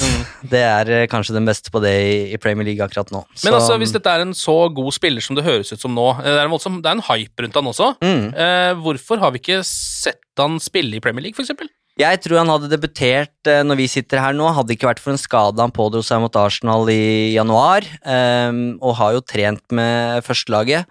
Så jeg tipper vi får se Hannibal i løpet av sesongen, eh, eller før sesongen er over. Samtidig så er klubben ekstremt opptatt av å dysse ned. Hadde det vært opp til Nikki Butt, så hadde ikke klubben skrevet et ord om de stjernene her på sine egne nettsider, for han vil ikke at de skal påvirkes av det eksterne presset som du får når du er eh, en U18-spiller i United. Da. Mm. Så de eh, Vi kommer litt tilbake til det i avslutninga her, men de gjør det de kan for å holde mm, stjernene på akademiet mm, ankra. Jeg lurer på om han kanskje er den United-spilleren med det høyeste sjampobudsjettet siden Marouane Fellaini forlot klubben. Det er bare en tanke som har slått meg. Ok, men hva med høyrevingen? Charlie McNeil, eh, 17-åring. Eh, dette er jo da en eh, engelskmann. Eh, ifølge Jungeltelegrafen i Manchester så har han skåra over 600 mål allerede. Pass deg, Pelé. ja. Ja. Om det er fleip eller fakta, det er vanskelig å validere, men du trenger ikke statistikk for å se at eh, Charlie McNeil veit hvor målet står. Og det er en historie som eh, som går ut på at uh, Charlie fikk ett pund av bestefaren hver gang han uh, scora mål i barndommen. Det gjorde faktisk jeg òg av min bestefar, men det var en tier, da. Oh, ja, hvor, hvor mye fikk du? Husker du det Mm. Jeg fikk en tier per mål. Eh, Jeg husker det var en kamp jeg skårte sju. Eh, Da var jeg jo rik langt inn i helga. Eh, Men man blir jo ikke mindre egoistisk av å ha en sånn bestefar, det må jeg jo kunne si. da. Nei, og han bestefaren her, han blir eh, han blir, eh, han må ut med en del. En sesong så må han ut med 145 pund. Eh, altså 145 eh, skåringer da, av eh, unge Charlie på én sesong. Eh, så bestefaren bestemmer seg for at vet du hva, det, det her blir litt for gærent. Eh, vi går over til at du får fem pund for hvert hat trick. Ja. Men det blei ble dyrt, det òg. Og i februar så slo United eh, City 4-2 i en U18-kamp, og det var egentlig en match som viste hvordan pendelen har snudd da, i Manchester. For McNeil han gikk fra United til eh, City i 2014, så han var en av de som eh, valgte å gå til City-akademiet da, da United sleit. Eh, Men han ven- vendte da tilbake til United i, i fjor sommer, og i den 4-2-matchen her så skårer han eh, alle fire måla. Jeg veit ikke om han eh, fikk fem pund for det av bestefaren, men han feira i hvert fall med å kysse United-emblemet, og det. Den matchen der, den, det er et veldig tydelig symbol da, på hvordan ting har snudd i Manchester. McNeil, can he take advantage? It's McNeil! And just like that, United have Derby Joy! Charlie McNeil også, eh, plassert på eh, vingen eh, på vårt Class of 2020-lag på eh, høyrevingen. Det er målfallet spiller. Kan det høres ut som han kanskje kunne vært en spiss også? Ja, absolutt. Han, øh, vi har plassert den på vingen, øh, og det illustrerer egentlig bare akademiets luksusproblem på topp. Eh, For på U23-laget der er det Joe Huggill som er øh, foran, så vi har plassert han på, på spissplassen i vårt lag, da. Men øh, selvtilliten til McNeil den er i orden, liksom, så jeg tror han skal fikse å spille på, på vingen nå. Han tar Panenka straffer, og det har vært noen klipp hvor han chipper fra, nesten fra hjørneflagg og scorer fra midtbanestreken, så det er en spiller med en litt sånn X-faktor. Eh, måtte ut og beklage på Twitter og litt sånn fordi han i et intervju sa at ja, nå hadde de slått City, og nå var det Liverpool neste. Det var ikke noe kontroversielt i det hele tatt, men såpass sting da, at han tydeligvis fikk beskjed av klubben at du kan godt gå ut og beklage de Liverpool-uttalelsene der. Såpass, ja. Så nei, men det er en spiss eh, med masse mål i seg, eh, så kanskje en eh, Andy Cole-type, eh, eller Philip Sagi, hvis vi skal dra sammenligninger, da. Ja. Ok, la oss eh, ta den offensive midtbanespilleren, da. Og da skal vi til Norge. Ja. Isak Hansen Aarøen, eh, 16 år gammel. Eh, vi må bare slå det fast først som sist. Uh, han er et av de største talentene i United-akademiet nå, og det er ikke fordi vi er norske og fordi Isak er norsk, det er fakta. han er en liten, leken og lur tekniker som har sin spisskompetanse i å skape sjanser for andre, og det har han gjort i fleng, eh, men det har vært et trøblete år, da. Eh, tross fremgang på banen. Eh, United investerte masse i den overgangen her, akkurat som med Hannibal. De var på besøk i Tromsø for å bli kjent med Isak, og for å finne, rett og slett for å finne en passende vertsfamilie for han i Manchester. Solskjær har vært i kontakt med familien Klubben sendte julekort, og da er, da er det ikke noe tvil om at uh, de har uh, lyst til å signere det. Altså. Så um, Isak har sagt til oss i et intervju at det, det, var ganske enkelt liksom sånn wow. Ja. den behandlinga de fikk, og det var mye bedre enn det Liverpool og Everton kunne tilby, som også var interessert.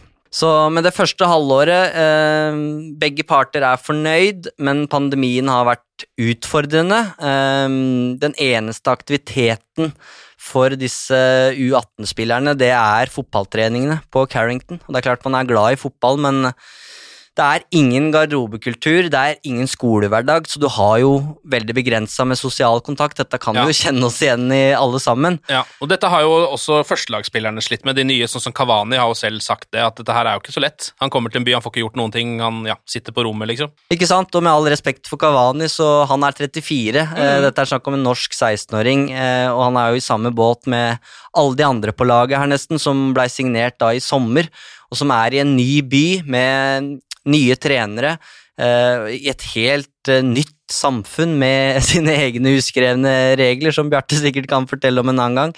Mm. Uh, så det var en veldig etterlengta juleferie, da, for, for, Isak når han kunne reise hjem til Tromsø og møte familie og venner. Det ga energi.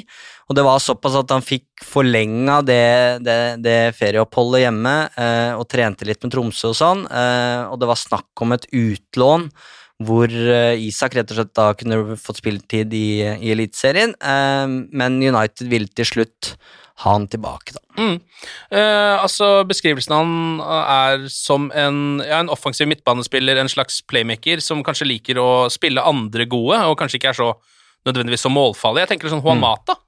Ja, vi, vi, får hviske det litt sånn forsiktig, men ja. Mata, David Silva. Det er liksom uh, den spilletypen det er. Og så skal vi huske på at han er 16 år, selvfølgelig, så det er langt fram til, til nivået til Mata og Silva. Men det er litt sånn naturlig å trekke linjer til Martin Ødegaard da han var på samme alder. Um, og treneren, altså hans personlige trener, for å si det på den måten, og, og mentor i Tromsø, Jonas Johansen, har sagt til oss at han er på en måte på nivå med, med Hannibal, um, og hans fremste styrke det er vel kanskje da timinga i når du skal spille ballen videre. Mm. Det artigste syns jeg er når jeg blir låst inn i en én-mot-én-situasjon offensivt. Ja. At jeg bare kan kjøre mot én forsvarsspiller og gjøre hva jeg vil, egentlig. Det er det artigste, syns jeg. Isak Hansen Aarøen, også. Eh, siste skudd på det norske treet mm. i Manchester United. Det har jo vært noen eh, nordmenn der, og nesten en slags tradisjon at det skal være noen nordmenn innom i Manchester United. Ja, Det var en stund siden nå, da, men ja. Eh, Wolf Eikrem, King Hussain og eh, Møller Dæhlie har jo alle vært i, i United-akademiet. King var den eneste som fikk debutere på førstelaget. Mm. Mats Møller Dæhlie kan faktisk minne litt om, eh, om, den spillertypen som Isak er, eh, og han var også regna som et av de største talentene i United før han egentlig ganske plutselig forsvant i, i 2013. Um, ehm, men jeg tror vi bare avslutter med å si at han er som sagt et av de største talentene i, uh, i United-akademiet, og hadde det ikke vært for uh, pandemien, så hadde nok han vært å se på, på førstelagstrening allerede. Det er altså uh, vårt eget Class of 2020, framtiden til Manchester United, unggutta som de har uh, i akademiet, som vi snakker om nå. Uh, og det er jo en slags 4-4-2 vi har stilt dem opp i med en framskutt midtbane. Mm. spiller. Da mangler vi én ving, og det er venstrevingen. Og der spiller Shola Shortire, som de aller fleste ville sagt, men så er det jo ikke sånn du skal uttale navnet hans, visstnok.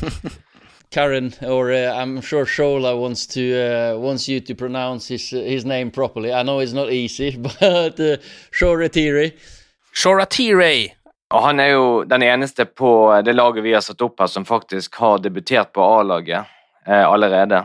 Eh, og du kan jo for en liten stund glemme faktisk Mason Greenwood, for det er Shola Shoretire som har aldersrekordene i United. Ja, Vi skal ikke måle kvalitet i aldersrekorder, selvfølgelig, men eh, Shora Tiray han var altså med på U18-lagets sommerturné som 14-åring, og det fikk eh, da lokalavisa til å lage en sak på det. Eh, klubben ringer til eh, Evening News og ber dem høflig om å bare ta ned saken, og det handler litt om det vi snakka om her, at de vil ha minst mulig hype rundt uh, sine U18-spillere. Um, men et, på et eller annet tidspunkt så er det umulig å holde det tilbake, da, og, og Shora Tierney han debuterer i, i Uefa Youth League, altså juniorenes Champions League, eh, også som 14-åring, og det er bare Dortmund-talentet Mokoko som har vært eh, yngre, eh, og han ble jo da next, nest yngst i Premier League bak Angel Gomes da han debuterte mot Newcastle. Hey, it feel to make the debut? It feels great, such a proud moment for me and my family. We've worked so hard to get here. Like my mom, my dad, coming over here when I was like seven. Been at the club since I was 10. It's just a dream come true to be playing for the biggest club in the world. Altså, han, er, jo en driblefant, da.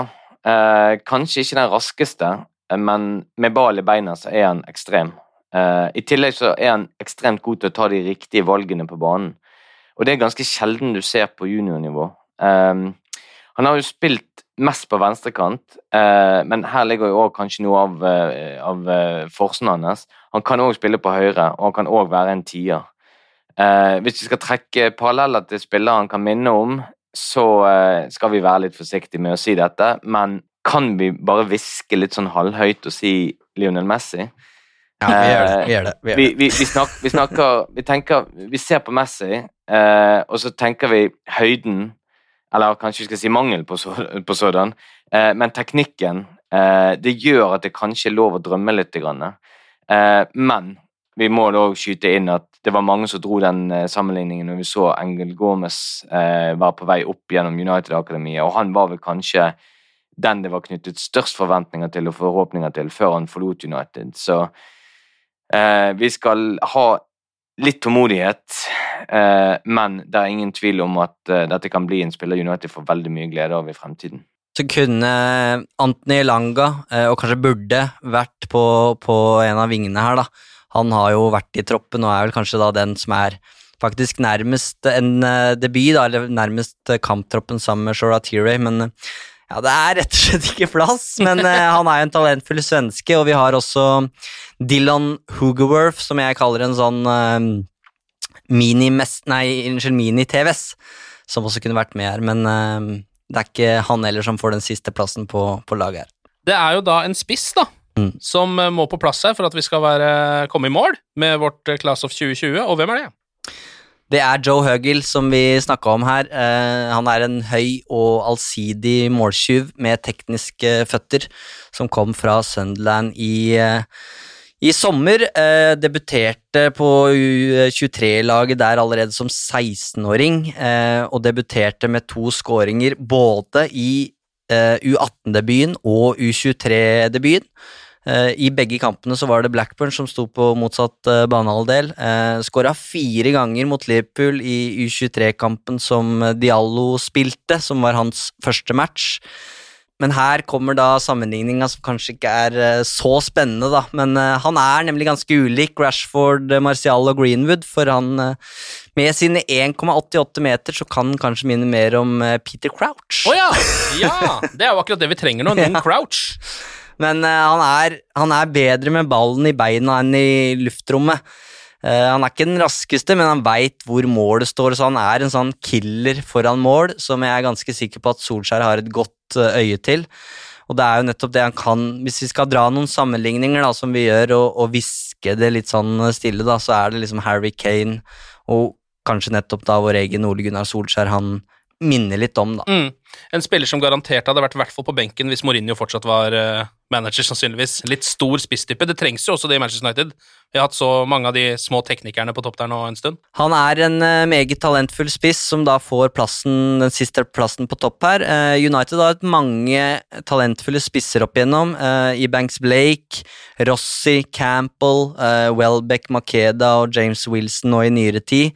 Mm. Um, og den lista over spisstalenter som har uh, blitt for små på Old Trafford, den er lang.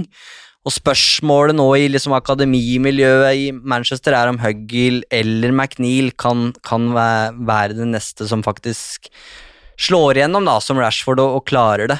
Spørsmålet er om United må prioritere én av dem. Um, for akkurat nå så er liksom eh, McNeil U18-spissen og Huggill er U23-spissen, men med mm. tida så kan det hende de må prioritere.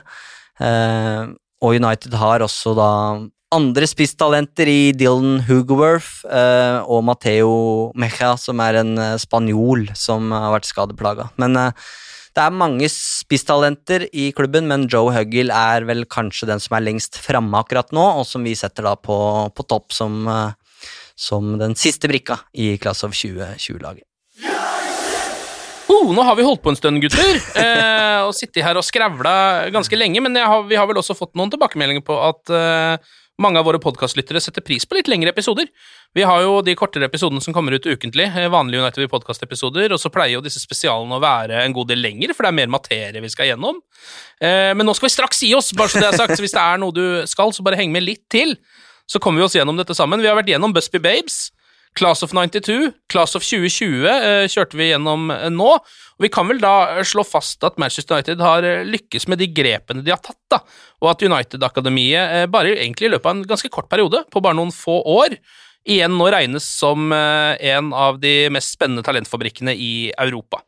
Men det er jo bare halvveis. Ja, fordi at Én ting er å lykkes som eh, akademispiller eller være et lovende talent, men du skal jo òg ta steget opp og eh, vise at du kan etablere deg på førstelaget. Og eh, med unntak av eh, Marcus Rashford, Mason Greenwood og Scott McTominay, så er det ikke så veldig mange andre United-spillere som har virkelig utmerket seg på førstelaget til United, og vi savner jo fremdeles bare tanken på, hvis du ser på adelskalenderen i United, og ser på hvilke spillere som har spilt flest kamper for klubben, så ser du at de aller fleste navnene på toppen der, det er akademiprodukter. Det er spillere som United har avlet frem, enten det er Bobby Charlton, eller det er Ryan Giggs, det er Paul Scholes, det er Gary Neville. Spillere som hadde ulike kvaliteter, men som hadde det United-DNA-et i seg, eller fikk det i veldig ung alder, og klarte å ta disse stegene. Um, og det viser jo òg hvor viktig akademiet er for Manchester United. Det faktum at vi har vært over 4000 kamper nå på rad med egenproduserte spillere i kamptroppen, det er en tradisjon som er helt unik, og det er en tradisjon som aldri må få lov til å dø. Og Derfor så føles det egentlig veldig greit å kunne sitte her og plapre i to timer om akademiet, om tradisjonene til United, om betydningen av kulturen, verdiene og tradisjonene som har gjort oss som supportere så stolte over den klubben vi holder med, og la Superliga være Superliga for en bitte liten stakket stund. Ja, vi veit jo at uh, internt i Manchester United så er jo så er jo ehm, det de jobber etter, er at de har ikke lyktes før talentutviklinga faktisk bidrar til at klubben vinner de gjeveste trofeene igjen. Um, og realiteten er nok fortsatt at de færreste vil ta det siste steget. Altså Ved mm. forrige U18-inntak så var det kun to U16-spillere som blei med videre. Resten blei frigitt. Og det handler ikke bare om at de ikke holdt nivået, um, men det handler om å, litt om det samfunnsoppdraget som Bjarte snakka om tidligere, å gi dem en sjanse til å prøve lykken et annet sted. Da. Mm. For slippes du ut som 19-åring, så er det ikke sikkert um, da er det ikke sikkert de andre klubbene i Manchester står klare til å plukke det opp. Um, så det er en veldig lang vei her, da. Bare forrige Youth Cup-tittel kom jo i 2011. Uh, det er ikke et lag det snakkes uh, veldig mye om, men det er jo Uniteds uh, forrige mesterlag da, på juniornivå. Uh, og det var et lag med Pogba, Lingard, uh, Michael Keane, eh, og broren for øvrig, eh, og Sam Johnston. Og det er jo de som har eh, Det er jo de som har slått igjennom. Eh, I mer eller mindre variabel grad. Da. Så Mm. spilte jo faktisk Harry Maguire for, for eh, Sheffield United eh, i den finalen, så han også eh, kom jo gjennom. Men det er utopi da, å tro at seks-sju spillere fra det Class of 2020-laget vårt skal bli United-spillere. I hvert fall, vi, vi må si det når vi sitter her, så får vi heller sprette champagnen om fem år eh, hvis det, Ja.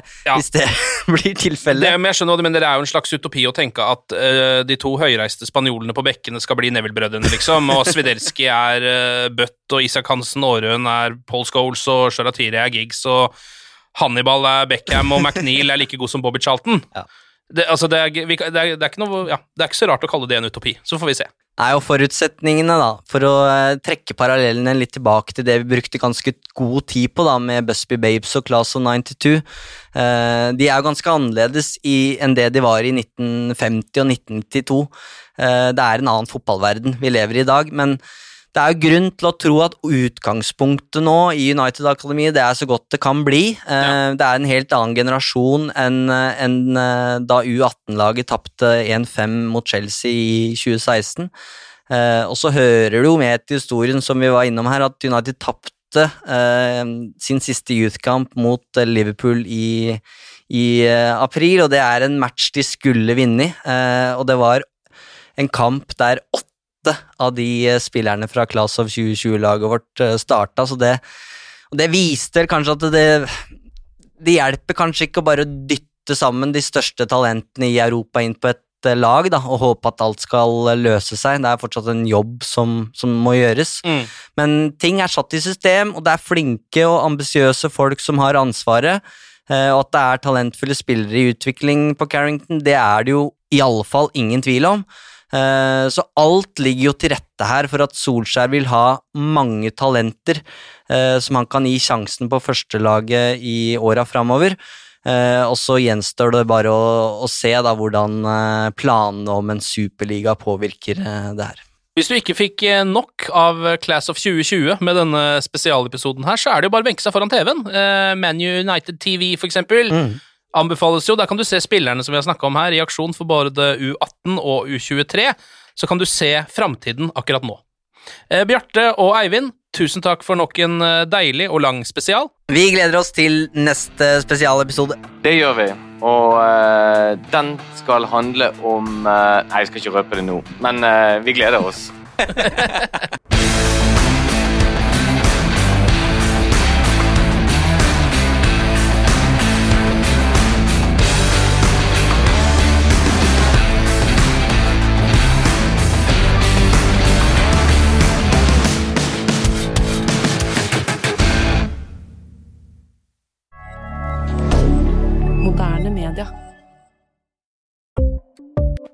Ukens annonsør det er matkasseleverandøren Hello Fresh. Der kan du velge mellom 25 ulike oppskrifter hver uke, eller få Hello Fresh til å sette sammen en meny for deg. Jeg sparer tid på å handle, oppskriften er veldig enkle å lage, og så får jeg akkurat det jeg trenger da, til hver eneste rett, så jeg slipper å kaste så mye mat som jeg vanligvis gjør. Det er også litt deilig å faktisk slippe å gå på butikken, ikke bare fordi det er tidkrevende og sånn, men fordi man ender opp med å kjøpe så mye greier som man egentlig ikke trenger, sånn som fire poser eh, Smash og en kick med havsalt, eksempel. Det er ikke det du egentlig er der for, du er der for å kjøpe, kjøpe middag. Så det er en veldig eh, kjekk ting. I tillegg så er det jo eh, ferdigporsjonerte ingredienser, det blir mindre matsvinn, og du betaler bare for det du faktisk trenger, og det du faktisk da spiser. I tillegg så blir det da levert på døra til et eh, fastsatt tidspunkt, sånn at du kan få det akkurat når det passer for deg eh, sjæl. Hvis Hello Fresh høres ut som noe for deg, så har jeg en rabattkode du kan bruke også. Gå inn på hellofresh.no og bruk koden HelloUnited24. HelloUnited i ett ord, også 24, og få opptil 1779 kroner i rabatt på de fem første matkassene dine hvis du ikke har prøvd Hello Fresh ennå. Du kan også bruke koden hvis du tidligere har vært kunde, men har stoppa abonnementet ditt for tolv måneder siden eller mer. Det er ingen bindingstid, og du kan pause eller avslutte abonnementet ditt akkurat når du selv måtte ønske. Husk koden HelloUnited24, og bon appétit! Ukens annonsør er Folio, en smartere banktjeneste for deg som har en egen bedrift eller ønsker å starte for deg selv. Folio er en superenkel nettbank for bedrifter. Som kunde i Folio får du en bedriftskonto med et bedriftskort og app. I denne appen er det smarte løsninger som forenkler regnskapet ditt, uansett om du har en liten bedrift eller et enkeltpersonsforetak. Folio er både intuitivt og brukervennlig, og er laget med et enkelt språk. I tillegg tilbyr de forutsigbare priser og ingen skjulte gebyrer. Skulle du likevel trenge det, så kan du snakke med deres raske og hyggelige kundeservice, og der får du prate med en faktisk person og ikke en chatbot. Folio er med andre ord både enklere og koseligere enn banken. Over 10 000 bedrifter har allerede valgt Folio som sin banktjeneste, så besøk folio.no og se hvordan Folio kan forenkle din hverdag også. Har du et enkeltpersonforetak eller en liten bedrift? Da er du sikkert lei av å høre meg snakke om hvor enkelt det er med kvitteringer og bilag i fiken, så vi gir oss her, vi. Fordi vi liker enkelt. Fiken superenkelt regnskap.